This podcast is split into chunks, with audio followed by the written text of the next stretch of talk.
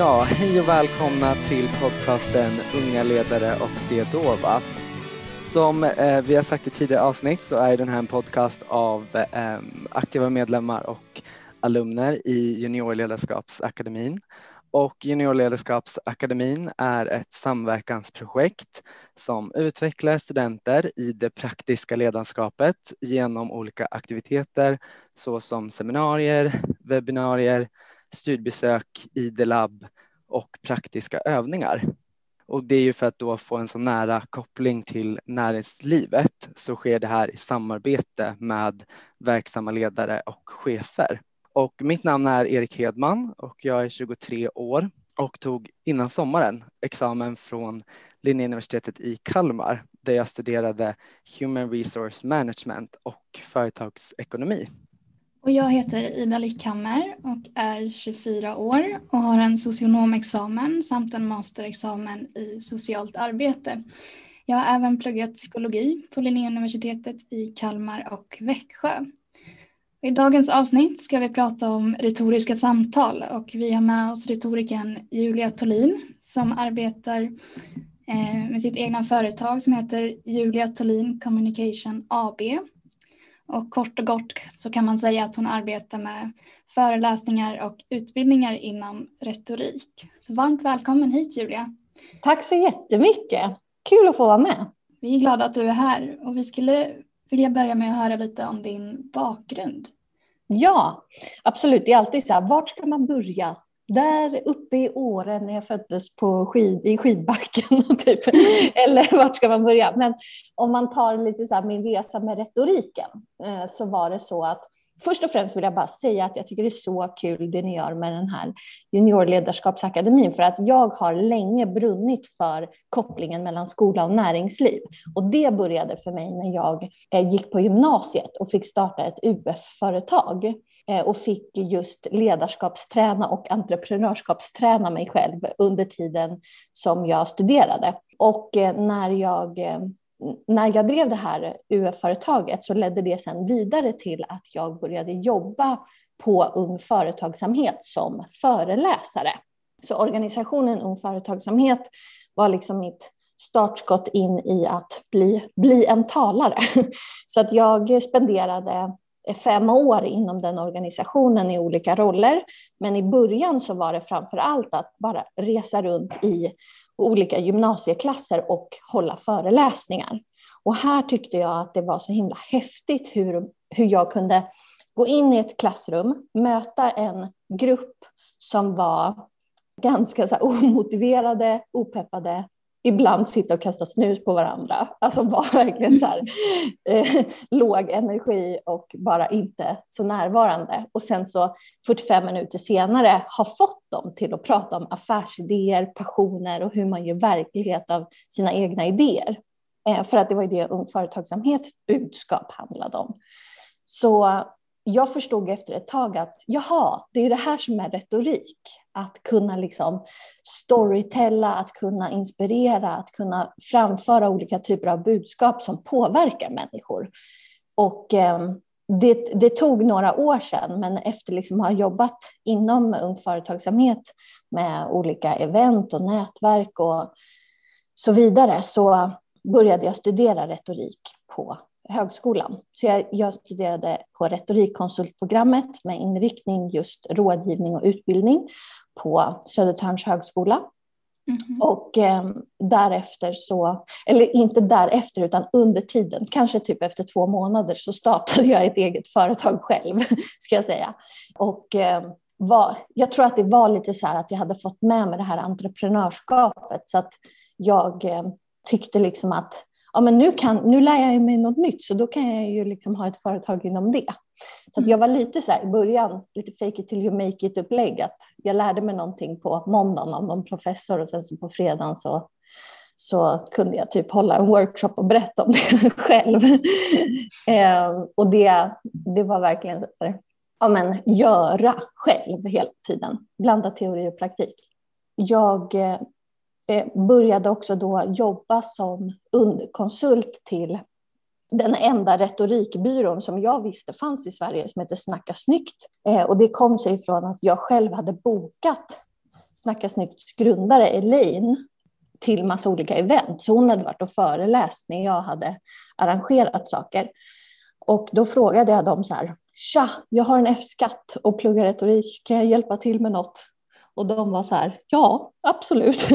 Så det, det föll sig väldigt väl. Men sen så när jag, när jag började liksom inse att jag har ju mitt eget nätverk och jag har mitt eget, mina egna kontakter och folk som för, liksom fanns runt omkring mig började säga, vi, vi hör att du håller på med retorik nu, kan du komma och, kan du komma och liksom hålla en kurs eller föreläsa hos oss? Då kände jag direkt så här, säljer man sådana här typer av tjänster, då kan man lika gärna köra sitt eget race.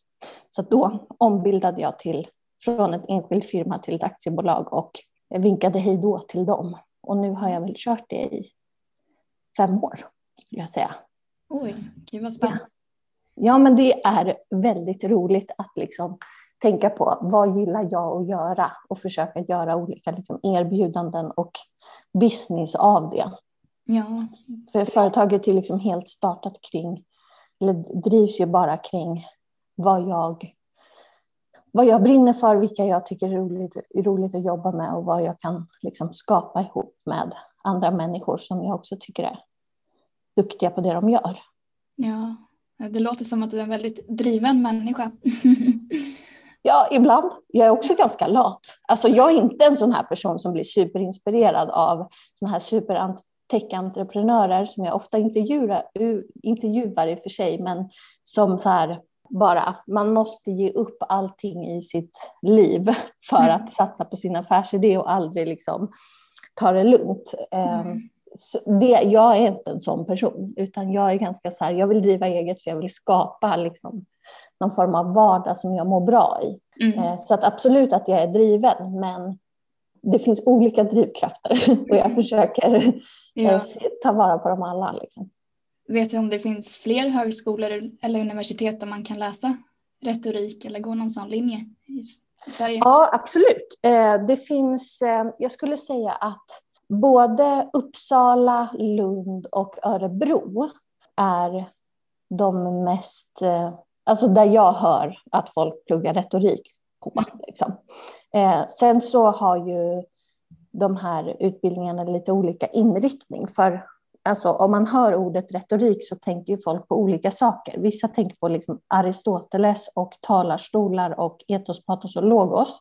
Mm. Och det finns de utbildningarna som är mer liksom litteraturinriktade, mer historieinriktade.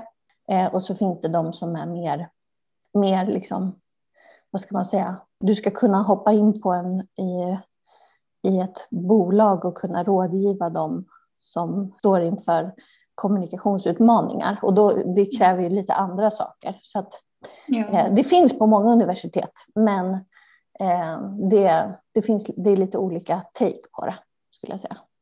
Vad bra, då har man lite valmöjligheter i alla fall. Exakt. Jag tänker på, du har ju förklarat lite nu vad retorik är för något, men om du skulle säga tre ord om vad det är, om du skulle välja ut något. Eller två får, jag säga, får jag säga en mening istället? Ja, det går jättebra. bra, eller så här, vill man bli bra på retorik så ska man bli bra på att analysera den givna situationen som man är i och anpassa sig till den. Det skulle jag säga att är väldigt, väldigt grundläggande. Att all retorik är situationsbunden. Mm. Och om man får utveckla så för ju det med sig att retorik går att använda i väldigt många mer kommunikativa sammanhang än just att hålla ett tal. Och det har jag förstått att vi ska prata om idag. Precis.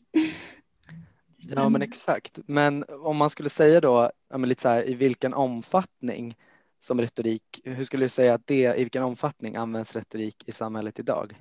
Ja, alltså det, hur ska jag svara på det? Eh, jag kan ju tolka allting retoriskt om jag vill. Alltså jag kan ju titta på en situation och göra en retorisk analys om det finns några som har kommunicerat med varandra.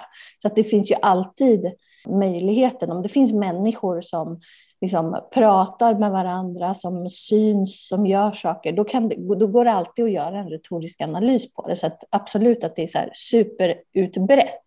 Men jag skulle också säga att det finns ganska många situationer, till exempel i skolans värld, men även i näringslivet, där det saknas access till retoriska verktyg. Att det finns många som har eh, talrädsla eller väldigt mycket liksom, nervositet kopplat till att liksom fram, framföra sig själva eller presentera sig själva. Och även alltså kommunikation generellt är ju svårt, att vi människor ska förstå varandra när det liksom knölar till sig. Eh, och där har retoriken jättemycket att, att hjälpa till med. Det finns väldigt mycket, väldigt mycket verktyg att få. Jag vet att ni eh, har tagit upp ämnen inom juniorledarskapsakademin kring till exempel feedback och konflikthantering. Och det är också ämnen som liksom retoriken kan hjälpa till med. Så att, eh, ja, det beror på hur man tolkar liksom, frågan, att det är så superutbrett, men också att det behövs mer. Mm, men det, det jag menar är ju att, då att visa på att retorik används på daglig basis i all sorts kommunikation. Det är inte så att retorik bara behöver betyda att det är när liksom en politiker står och eh, håller ett tal eller pratar på en presskonferens och liksom pratar för att få folk att förstå, utan det finns ibland oss hela tiden. Ja, men precis. Jag skulle vilja säga att om du, om du jättegärna vill gå och käka lunch på ett speciellt lunchhak med en kompis och du verkligen så här, nu ska jag tänka till hur jag ställer frågan om den här personen vill följa med, då gör du, då gör du, en retorisk, då gör du upp en retorisk strategi för hur du ska liksom få med dig den här personen. Ja, just det. Ja, så, det är faktiskt sant. Man brukar ju tänka lite extra på om man verkligen vill gå till en speciell restaurang.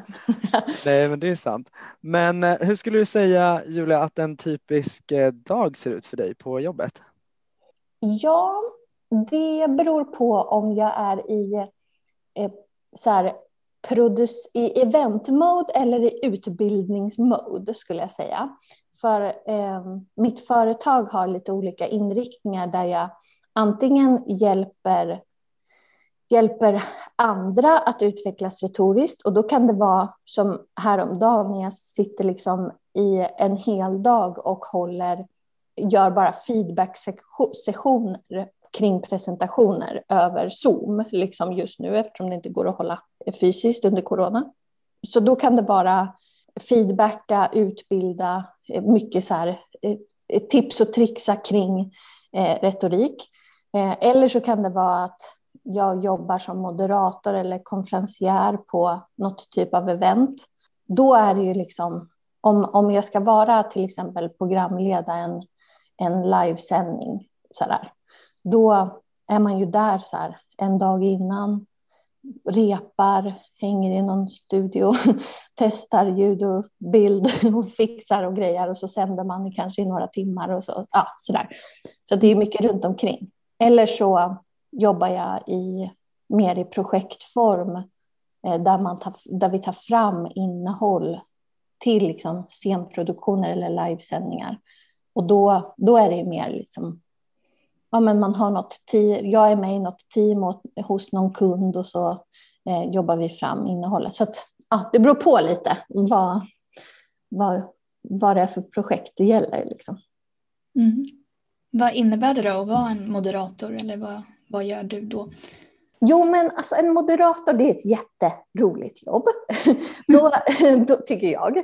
För att det man gör egentligen det är det beror på om det, om det är ett, ett sånt här happy clappy event, typ att man ska dela ut eh, priser till årets företagare och årets affärsplan och sådana grejer, eller om det är eh, mer en debatt till exempel. Då har man lite olika roller som moderator.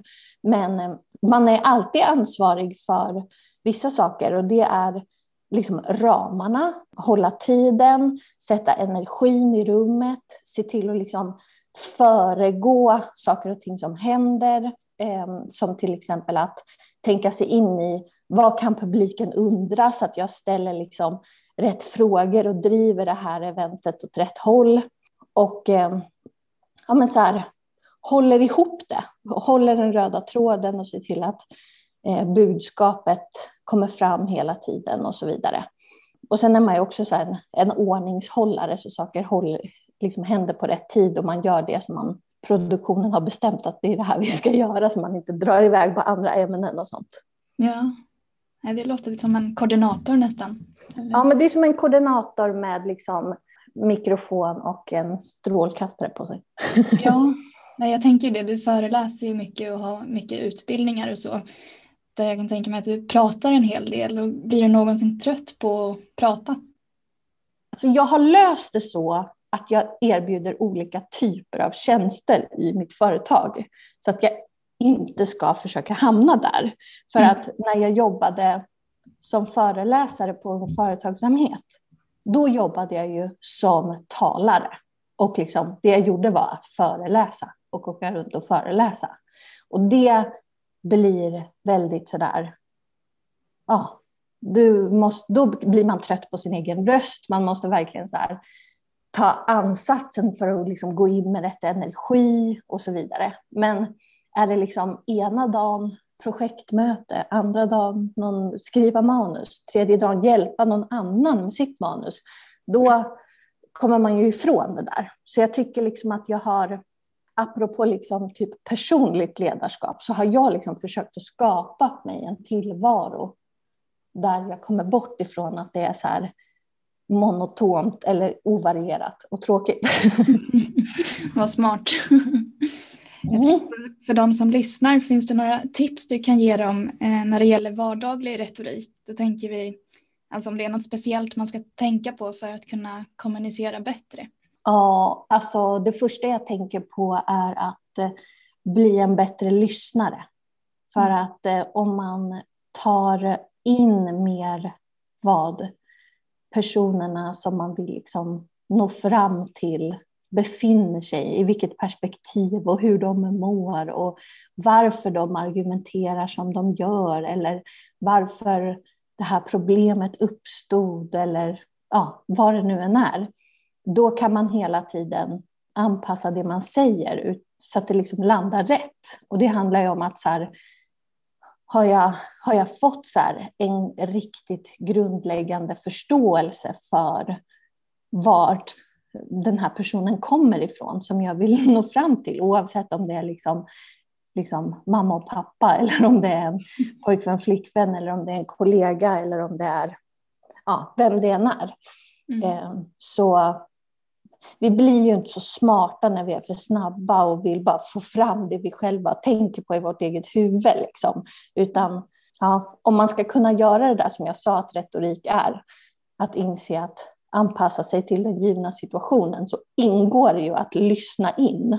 Alltså de här eh, målgruppsanalyserna som man kanske gjorde om man har pluggat en organisationsvetenskap eh, liksom, eller något sånt där. I praktiken så är ju det det, lyssna för tusan. Lite så skulle jag säga. Ja, tack snälla. Vad heter det? Om vi går in lite på um, olika områden som vi ska diskutera i dagens avsnitt så tänker jag framför allt att ett um, någonting som många av oss eh, yngre ställs inför men även eh, alla människor egentligen som eh, är i mitten av livet och liksom byter karriär till exempel så är det ju att man eh, går på en anställningsintervju. Och där skulle vi gärna vilja att höra din, dina tips om vad man bör liksom tänka på utifrån retorik då i en anställningsintervju. Och då tänker jag framför allt på den här äh, 30 sekunders pitchen för att liksom sälja in sig själv. Ja, bra. Det är ju en väldigt utmanande situation, den här arbetsintervjun. Och eh, först och främst så skulle jag vilja säga att om jag får, om jag får hänvisa till liksom den här grundidén igen för liksom tredje gången med tre minuter, typ, om att anpassa sig till situationen, så handlar det om att så här, absolut att du kan, du kan pitcha dig själv eller du kan hitta egenskaper hos dig själv som är eh, generella, som alltid gäller, som liksom du kan stå för och så vidare. Och är du liksom bara lite ha förmågan att vara både självkritisk och liksom be din omgivning att hjälpa till om att liksom beskriva den där personen som arbetsgivaren vill förstå så kan du nog hitta det. Men aldrig glömma bort att så här, löp hela linan ut när det gäller att anpassa sig till just den här arbetsintervjun.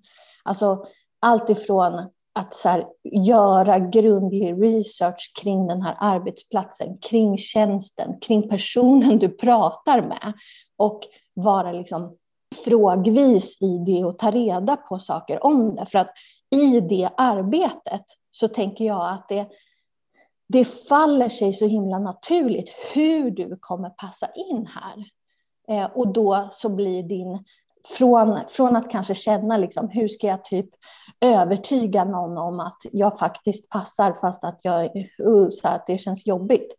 Eh, det kanske går till att så här, men shit, jaha, har de haft det här projektet tidigare eller, eller har de haft den här rollen? Det är ju lite som när jag jobbade i den här studentföreningen så gjorde vi ju faktiskt det där. Eller, eller Eh, de beskriver att man träffar kunder på det där sättet. Okej, okay, men det, det är sånt som jag tycker är jättekul. Alltså att både, eh, både själva pitchen om sig själv, om den ska vara liksom så här tight på 30 sekunder, men även liksom samtalet som sådant, om det är ordentligt grundat i vem du talar till, på vilken arbetsplats du än är, så kommer du lyckas bättre. Så liksom, jag vet att det är många studenter som hamnar i en, en period där man måste söka jättemycket jobb och man liksom bara pepprar ut CVn sådär. Och då kanske man får så här, kan du komma på intervju? Och man, man hinner inte riktigt göra preppen. Men om man inte hinner göra preppen, då får man inte vara så hård mot sig själv om det inte går bra, för att då har du inte gett dig själv rätt förutsättningar. Det är liksom, det tycker jag är superviktigt. Ja, nej men verkligen. Och jag, menar, jag har ju varit på väldigt mycket intervjuer nu eftersom att jag tog examen i en pandemi. Liksom. Och jag menar, någonting som jag har stött på många gånger det är det här med att man, man vill ju absolut göra den här matchmatchen, alltså matcha sig själv med liksom tjänsten och företaget för att man, man tycker det. Eh, och det gäller ju också när man skriver sitt personliga brev. Men jag tycker att det är svårt att hitta den här balansen med att så här skriva sig själv, beskriva sig själv på ett ödmjukt sätt och att inte låta som att man bara besvarar alla frågor och bara liksom säger att man är ett med företaget. Liksom. Ja, och där kan man, tänker jag, att man kan vara lite strategiskt att, att man verkligen, om man vet så här, de här frågorna brukar alltid komma, till exempel vad är ens svagheter eller någonting sånt där. Då kan man ju, om man, om man vågar vara en sån person som faktiskt föregår och säger liksom, jag, eh, liksom, du skulle kunna vara så här, med ett stort leende och massa härlig energi, säga att så här, jag är grymt passionerad för det här, det här och det här och det här. Och jag känner så här, mm, det här kommer jag göra ett riktigt, riktigt bra jobb inom om jag får chansen. Eh, men ni ska veta att jag är inte en sån här person. Så att eh, om man skulle se på den här listan av saker ni söker, söker så är den här sjunde saken, det är inte jag, men de här sex andra, det är liksom, där passar in och sen, förstår du vad jag menar? Att, det liksom, mm. att man kan, jag tycker att man kan gå på och säga att hur bra man faktiskt är om man gör det med att det, att det liksom hämtas från en känsla av att jag är, jag är nyfiken, jag vill lära mig mer, jag har passion för det här och liksom att man ser att det finns en hunger snarare än att det kommer ifrån att jag vill brösta upp mig och visa att jag kan vara tusan som helst. Liksom. Att, mm. För då kommer den kanske mer arroganta sidan fram. Eh, och det vill man ju inte, tänker mm. jag. Nej, eh, så att eh, om man, om man Alltså tipset blir någonstans att så här, ska du framhäva dig själv i positiva dagar, så om du gör det med visa att du vill lära dig, att du är nyfiken och att du har passion, så kommer det landa mycket härligare och med mycket mer välvilja. Och att man får en känsla av att jag skulle vilja vara en del av det här företaget. och sen så när det gäller att man inte passar in så gör det liksom inte så mycket för att alla vet att man kan orimligtvis vara, vara bra på allt. Så våga vara en sån person som föregår där, för då blir matchen bättre, tror jag. Mm, nej men verkligen, och jag menar med på ett sånt här, men på ett självsäkert sätt visa sina liksom styrkor och så här, men trycka på det man är bra på snarare mm. än att säga det man inte kan. Ja. Då tror jag också att det är att Exakt. man kommer långt. Liksom. Och sen alltså, där om man, om man pratar liksom ner på ordnivå, om man vill ha sådana tips, så skulle jag säga att eh, se över ditt språk eh, när det handlar om att inte använda ord som det kanske man skulle kunna säga eller det är lite så här. Eh, stryk det, liksom. Eh, utgå ifrån att språket är otroligt värdeladdat. Och om du är en person som använder mycket mm, liksom, förminskande ord, till exempel att saker är lite när det bara är, eller det kanske är på något sätt när du faktiskt vet att det är så. Så stryk dem och eh, då kommer, du, då kommer dina uttryck framstå som att du är mer säker på din sak. För det finns kanske ingen osanning i det, du bara liksom råkar lägga in sådana där ord hela tiden det skulle jag säga är ett bra tips för att, liksom, att folk ska fatta att du kan det du kan och att du är säker på din sak. Stryk sådana här förminskande ord. Mm, nej men gud, det är jättebra. Titta nu fick jag tips här också. Eh, och jag tror även att många som lyssnar får, kan ju använda det här som, alltså i alla sammanhang liksom. För jag tror inte man, jag tror inte man tänker på det helt enkelt. Nej. Men sen så sa ju du eh, när du presenterade dig att du eh, lyckades eh, värva de här snuskastande gymnasieeleverna till att liksom bli engagerade efter att du hade presenterat för dem. Så jag tänker ja. att du skulle gärna kunna få gå in lite mer där på detalj för men, vad man ska tänka på i ett presentationssammanhang för att kunna inspirera och motivera åhörarna så att de blir liksom aktiva och faktiskt lyssnar på vad man säger. Ja, eh, roligt. Jag, ehm, eh, än en gång så beror det ju på att det beror på liksom situationen du befinner dig i. Typisk eh, ehm, jag är ny på jobbet, ska presentera någonting i ett konferensrum eller på ett Zoom-möte situation sådär.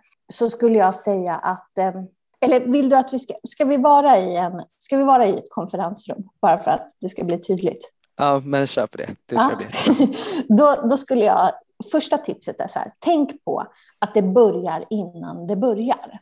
Din presentation startar inte med din första powerpoint-slide, utan din presentation börjar med att du bygger trovärdighet i den här situationen. Så att det kan vara allt ifrån att mötet bokas till att eh, ni kommer och möts i, liksom, utanför kaffeappar, vid kaffeapparaten eller vad ni nu än gör. Att du liksom har koll på vilka personerna är, vad de heter. Om du vet att någon är kanske du tror att någon är svårare att nå fram till så kan du lägga liksom mer tid vid den personen. Att du så här, kalla den personen vid namn, fråga någonting om hur den mår eller hur den har haft det, eller vad kul det är att träffa just dig. Att man, att man liksom ser den här, att, att nå fram med sina budskap handlar ju om att nå fram till människor och att skapa relationer. Så att, att ta den här tiden innan din första så här, nu börjar jag att hålla mitt tal eller hålla min presentation. Det är liksom en transportsträcka där innan som man måste vara ganska strategisk på om man, om man, har, om man tror att jag, jag måste bygga min trovärdighet helt enkelt. Så det är mitt första tips, att tänk på att det börjar innan det börjar. Och sen så för att liksom sätta igång och skapa aktiva lyssnare så kan man tänka så här, hur kan jag Eh, kan jag rama in det här på något sätt som direkt skapar interaktion? Eh, som gör att jag, jag blir hjälpt i att jag landar rätt med det jag presenterar samtidigt som att eh, lyssnarna i fråga blir liksom på tårna. Eh, jag själv brukar till exempel nästan alltid börja med att prata om vad deltagarna på till exempel en kurs har för uppfattning om ordet retorik. Så att istället för att jag bara börjar på liksom och föreläsa och dra mina grejer, liksom, så börjar jag istället så här, utan att jag ens har sagt vad, vad jag tycker att det är för någonting. Så, så här, vad är er uppfattning om det här begreppet eller det här ordet? Vad har ni för liksom backstory? Och då kommer det fram att någon tycker att det handlar om eh, Eh, kroppsspråk, någon tycker att det handlar om politik, någon tycker att det handlar om att manipulera. Liksom. Och då, då blir jag så här, gud vad intressant, då kan vi börja i det. Och så börjar man liksom reda upp det, för att så här tänker jag. Och så har vi liksom enats kring någon form av så här start, diskussionsstart. Och på köpet har vi liksom fått en hel grupp som har diskuterat, delat erfarenheter och liksom satt igång, satt igång sina egna hjärnor. Sådär. Och man har, en, man har en bra grund att stå på när det kommer till sen att säga det man tycker eller, eller liksom argumentera eh, för det man, det man ska presentera helt enkelt. Så eh, tips nummer två blir helt enkelt att fundera på hur du inledningsvis kan ställa frågor och interagera med. Jag gillar att kalla publiken för deltagarna, bara för att jag vill gärna att det ska vara liksom en relation. Så att de känner att vi gör det här ihop. Man fattar what's in it for me hela tiden. Vad ska jag få ut av det här? För då blir de med på hugget. Liksom. Så det är väl liksom lite sådär inledande tips i alla fall. Ja. Men, men, men sen liksom i övrigt sådär presentationsteknik som alltid är bra är ju liksom att tänka på disposition och röd tråd. Liksom att, det, att du liksom tar bort saker som inte är relevant utan att du vågar liksom hålla hålla ett spår och kanske ett budskap och liksom argumentera utifrån det och inte vara för spretig, till exempel när du väljer ditt innehåll. Men även om, om man pratar liksom framförandet som sådant, att man har ett kroppsspråk där man, där man vågar ta plats i rummet, där man står stabilt på liksom båda benen och eh, låter kroppsspråket eh, förstärka det man säger snarare än att man liksom gömmer sig i rummet eller gör sig själv liten, som många gör när de är nervösa. Utan mm. att sådär, ta din plats och så vidare. Ja, lite smått och gott så. Mm. Jo, men jag tänkte med eh, just inför presentationer och sånt. Det vi har pratat om mycket eh, i liksom universitetstiden så var ju det att man framför allt, men så här, ska man skriva liksom som ett manus innan eller ska man bara skriva stödord? Eh, jag vet på HR-linjen så pratar vår programansvarig jättemycket om en presentationsteknik som heter Pecha Kucha, alltså att man ska ha en slide per, ja men man ska ha väldigt kort under för varje slide. Eh, och ja, är inte det så här typ 20, eh, 20 minuter en minut på varje slide, 20 slides eller något, alltså något ja, sånt där. Ja, men precis, ja. exakt för att det ska liksom gå snabbt och att man inte ska fastna vid sliden och sånt där. Mm. Eh, och sen så pratas det ju väldigt mycket om att så här, men just åsikten kring slides överhuvudtaget. Mm. Ska man liksom ha det för att om du bara har massa text på en slide, men då sitter ju alla och tittar på, på din text på sliden snarare än att de lyssnar på vad du egentligen säger. Eh, så jag tänkte lite så här, alla de här grejerna som vi alla ställs inför eh, hela tiden egentligen. Vad, hur tänker du kring dem? Okej, men ska vi börja med den här med slidesen då? Mm. då skulle jag säga så här att till exempel då PowerPoint eller Keynote, det är ju en mjukvara som kan användas till att absolut presentera saker på en storbildsskärm eller så här share screen. Eh, men det är också ett verktyg som kan användas för att göra rapporter. Och problemet uppstår ju ofta när man börjar använda liksom punktlister och rapporterandet av dokumentation när du ska hålla någonting inspirerande som en, en föreläsning. Det där är ju två helt olika saker.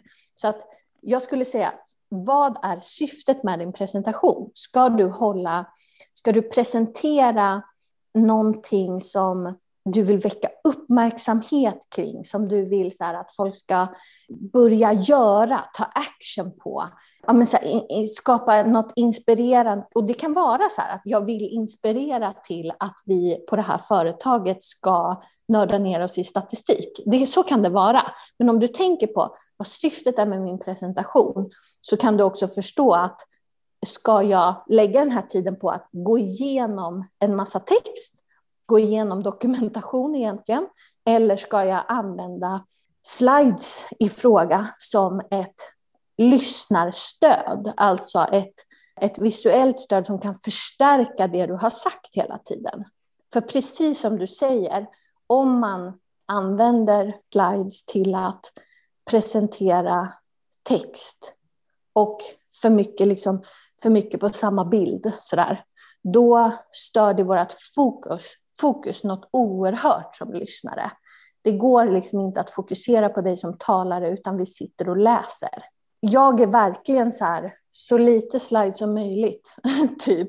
Och eh, snarare ha, använd inte dem som någonting liksom att hålla för tajt i för att du ska komma ihåg vad du ska säga. Då är det bättre att du skriver ut ett manus eller skriver ut all den där dokumentationen och har den i handen så att de kan fokusera på dig istället för att de ska läsa det rakt av. För att helt ärligt, då kan du lika gärna skicka slidesen till dem.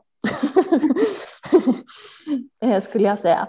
Men sen så finns det, det finns jättemycket liksom tips och tricks kring hur man kan göra smarta, smarta slides. Alltså till exempel att så här, har du typ statistik eller produktinformation eller någonting som ska komma fram, så till exempel jobba med animeringar i slidesen. Att du börjar med någonting enkelt. Liksom. Här är den här lyftkranen som du ska presentera om du precis har börjat jobba på ett sådant företag. här är liksom en bild på den och sen så när du ska liksom presentera någon information om den här så kan det komma upp så här. Så här mycket kostar den. När du trycker fram det och sen när du trycker fram nästa slide så kan det komma fram så här. Så här mycket energi kommer ni spara. Så nästa slide så att du använder liksom samma bild men du bygger upp den animerat snarare än att du bara blaff här får du allting eh, på en gång för att då kan inte lyssnaren sortera. Så... Nej, precis, ja, och där kan ju då den här Pecha eh, tekniken som jag pratade om tidigare vara, vara väldigt användbar för att det då men dels blir det en, en röd tråd bilderna emellan men också att det inte blir det här att man stannar på en bild och sen så har du samma bild och pratar om den i fem minuter och sen så tar du nästa utan att det hela tiden liksom är ett flow i dels det du pratar om i ditt talesätt men också i slidesen. Mm. Ja, precis. Och sen så om du har, om du ska prata i 30 minuter och har fem olika områden, då kanske det räcker med att du har en bild för varje område som är liksom någonting typ en, alltså en faktiskt, ett fotografi eller någonting som, som binder upp lyssnarna vid att vad kan jag minnas det här vid? Om man tittar på, om de som lyssnar liksom googlar vidare på Persa Kursa så kan, ni, eh, så kan man ju också göra sin egen variant på det som passar den givna situationen. För jag upplever till exempel det formatet som nästan en så här underhållnings eh, grej, typ, eller som man kan göra på om man har så här pitch-event för nya startups till exempel, eller något sånt. Att, att man liksom, nu gör vi den här formen för det är liksom underhållande och kul och så. Eh, så kan det vara att man tycker liksom på min nya arbetsplats så kanske inte det formatet passar riktigt. Då kan man göra sin, sin egen variant. För att mm. sammanfatta, skilj på alltid på information, inspiration och dokumentation. Vad är egentligen vad? Och eh, på så sätt så kan du liksom ta bort saker från till exempel slides och skicka ut en pdf efteråt istället. Liksom. Mm. Ja, men verkligen. Men och det, det andra jag sa, skriva manus eller använda stödord. Vad, vad skulle du säga om det? Eh, där skulle jag säga att det beror på vad du ska göra igen. Eh, alltså om du, om, jag tänker att det, kanske situationen är att det är studenter som ska presentera något, ett grupparbete till exempel. Dels så är vi ju olika som personer, alltså att vissa, vissa vill planera sitt innehåll eh, ordagrant och har också möjligheten och tiden till att levandegöra ett ordagrant skrivet manus så att det inte uppfattas som att du läser från ett papper, då finns det ingenting fel med det. Alltså om jag är konferencier för en jättestor gala med liksom flera tusen personer i publiken så skriver jag alltid manus helt ordagrant. Och jag har alltid med mig manuset helt ordagrant på mina cue cards. Men det finns inte någon i publiken som uppfattar det som det. För att jag har lagt så mycket tid på, på liksom att preppa det här och förbereda mig och minnas det och så vidare. Så att jag har det med mig för att det är så otroligt viktigt, viktigt för ordningen att liksom budskapen och tiderna och namnen och allting blir korrekt. Liksom, så att jag kan inte och vill inte lämna det. Det finns situationer där det, det är liksom superbra. Men är det snarare så att du har fastnat i att jag skriver ofta ner det jag ska säga och sen blir det så att jag ganska ofta i sådana här situationer blir för mycket att jag läser till. Då skulle jag verkligen utmana dig till att tänka till. Hur kan jag liksom bygga mitt innehåll så att jag kan prata mer liksom friare kring mitt innehåll? Att man man kan till exempel eh, skriva stödord där man har så här, det här kommer först, det här är mina argument och det här är min slutsats. Eller det här är liksom poängen som jag ska sätta.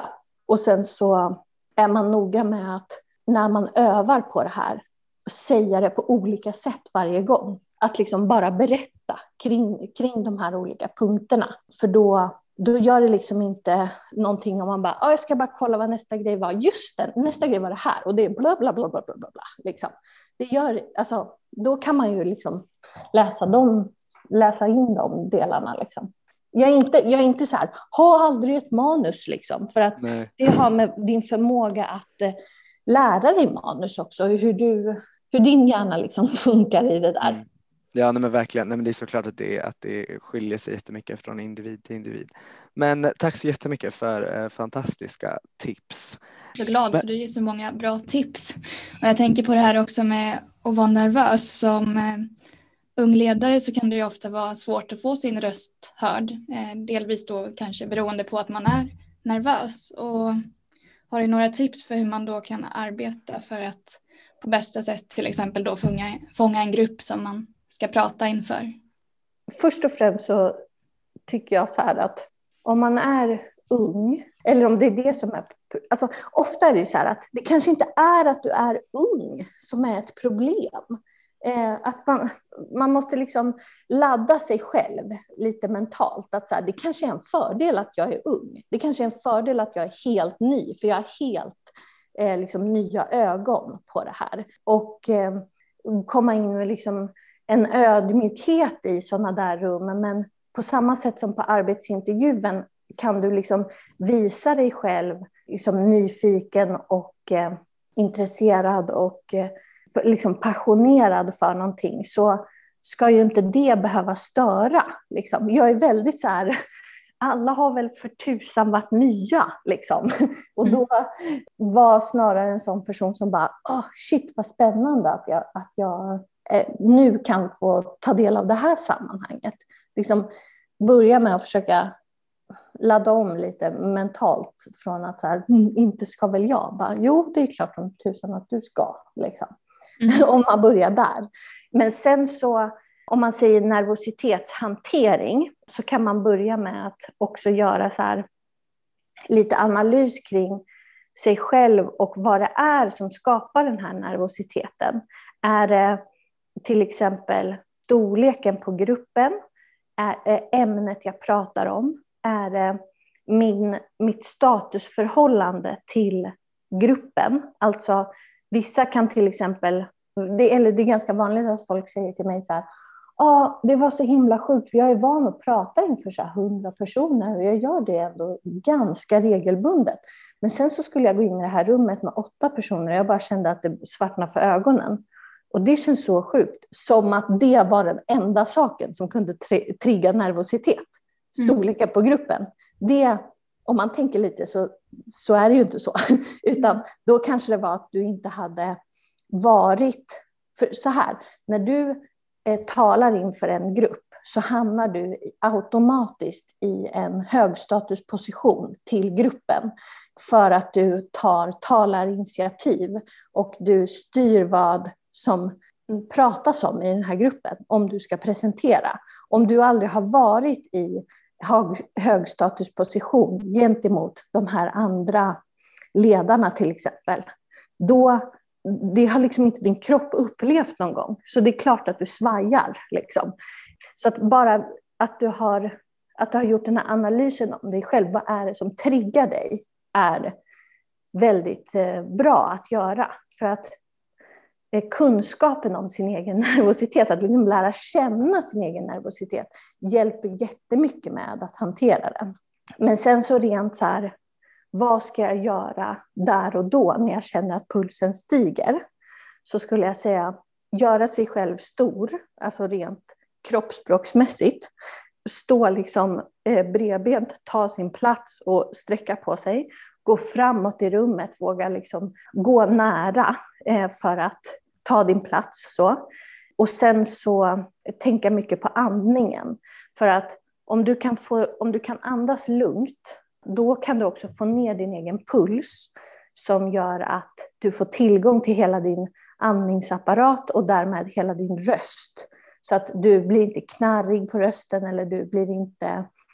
Rösten svajar liksom inte på samma sätt om du har lägre puls. Så då uppfattas man inte heller mer eh, lika nervös. Så att du kan liksom rent kroppsligt tänka på vissa saker. Andas lugnt innan du ska upp upp och presentera. Hur liksom rör jag mig? Hur står och går jag? Och liksom inta en version av dig själv som är mer säker. Eh, så kommer du dels uppfattas mer säker, men sen också bli det på grund av liksom hormonerna i kroppen. Jättebra. Och jag tänker utifrån din egen erfarenhet också. Eh, vad skulle du säga är de vanligaste misstagen som ledare gör idag? Oj, de vanligaste misstagen som ledare gör idag. Men skulle det inte kunna vara typ så här att inte ta med... Jo, jag skulle säga så här. När man är i ledarposition så får man ju väldigt ofta, så har man ofta lite mer information än vad, vad till exempel medarbetare eller de andra kollegorna har. Och i och med det så kan det vara så att man har analyserat, gått på möten, tänkt på saker, kommit fram till grejer, stött och blött eh, grejer och eh, saker och ting kan framstå som att det är helt självklart att vi ska göra på det här och det här sättet. Så att när jag då presenterar det för andra så eh, finns risken att det kommer ut som att det är självklarheter. När de liksom kollegorna eller medarbetarna inte har fått följa med på den här resan av vad det är som faktiskt har hänt. Så att det skulle jag säga är en så här, ja, men genomgående grej att om du vill, om det ska ske någon typ av förändring eller du vill få med dig folk eller du vill få folk att tänka som du så måste du ta med dem i dina perspektiv och hur saker och ting har utvecklat sig för att det inte ska framstå som att någon liksom bara kastade någonting i ansiktet på dig, utan att det istället var så här, jaha, det, det, är den här bakgrunden, det är det här syftet. De har tänkt. Liksom. Det finns ju inget värre än att bara känna att man får någonting från typ en chef eller en ledare som, som bara känns så här, jaha, vad var det för jävla skitidé? Vad ska jag göra? Varför ska vi göra så här? Att det liksom känns som att det kommer från ingenstans. Ta med, ta med folk på den liksom intellektuella resan som du faktiskt har varit på. Oavsett om det bara var ett möte du var på innan eller om det, var, eller om det har varit liksom en process på flera månader innan ni har kommit fram till det du ska presentera. Ja, det skulle jag säga. Ett vanligt misstag att man liksom bara slänger ut grejer utan att ta med sig folk. Ja. Och jag tänker det där är också svårt för ja, men, när man ska presentera någonting, alltså som vi pratade om tidigare, när man ska liksom presentera någonting för en grupp. Så jag tänker, har du något men, tips eller hur tänker du då för att man liksom ska få med folk så att det inte ska bli det misstaget att man bara slänger det i ansiktet? Mm. berätta om liksom processen, hur det här har gått till. Och det som händer när man, om man tänker utifrån det, då kan man nästan tänka som att det går att använda det vi känner som så storytelling. När det handlar om varumärkesbyggande så känner vi ju till storytelling, att det här företaget liksom står för de här de här sakerna för att de har den här storyn skriven på hemsidan. Men att berättandet är otroligt effektivt för att både att våra eh, lyssnare ska minnas det vi har sagt, men också förstå liksom, logiken bakom saker och ting. Så att du kan tänka i berättelser ganska, ganska många mer gånger än vad du tror. För ofta så tänker man att storytelling är liksom ja, men en varumärkesstärkande historia.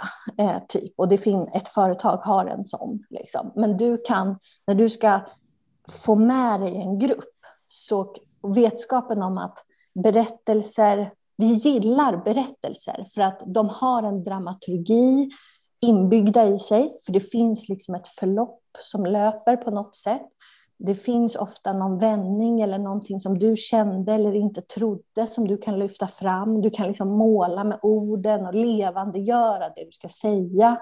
Så att de är, berättelser är ofta fängslande. Så att om du kan tänka på att nu skapar jag mitt innehåll som att så här, i den här delen så handlar det om att jag vill få gruppen att bli fängslade och göra ett perspektivskifte. Ja, men då ska jag berätta det här. Jag ska gå in liksom i sagoversionen av, av vad som faktiskt har hänt. Det är väldigt effektivt, för då fattar folk också sen. Men precis, jag tänker det hjälper ju också kanske till att de som lyssnar kanske lättare har att vad ska man säga, sätta sig in i berättelsen också och på det sättet ja. underlättar ju det för förståelsen. Eh, ja, men för, precis. för det de får, inte slängt i ansiktet utan förklarat ja. för en. Liksom. Ja. Ja, men spännande. Man, man, kan ju liksom väldigt lätt jämföra med att man tittar på en film och så fick man bara se liksom, eh, klimaxet på slutet och man bara, ja, det var ju en häftig scen eller det var ju liksom någonting, så här, vad ska jag göra med det?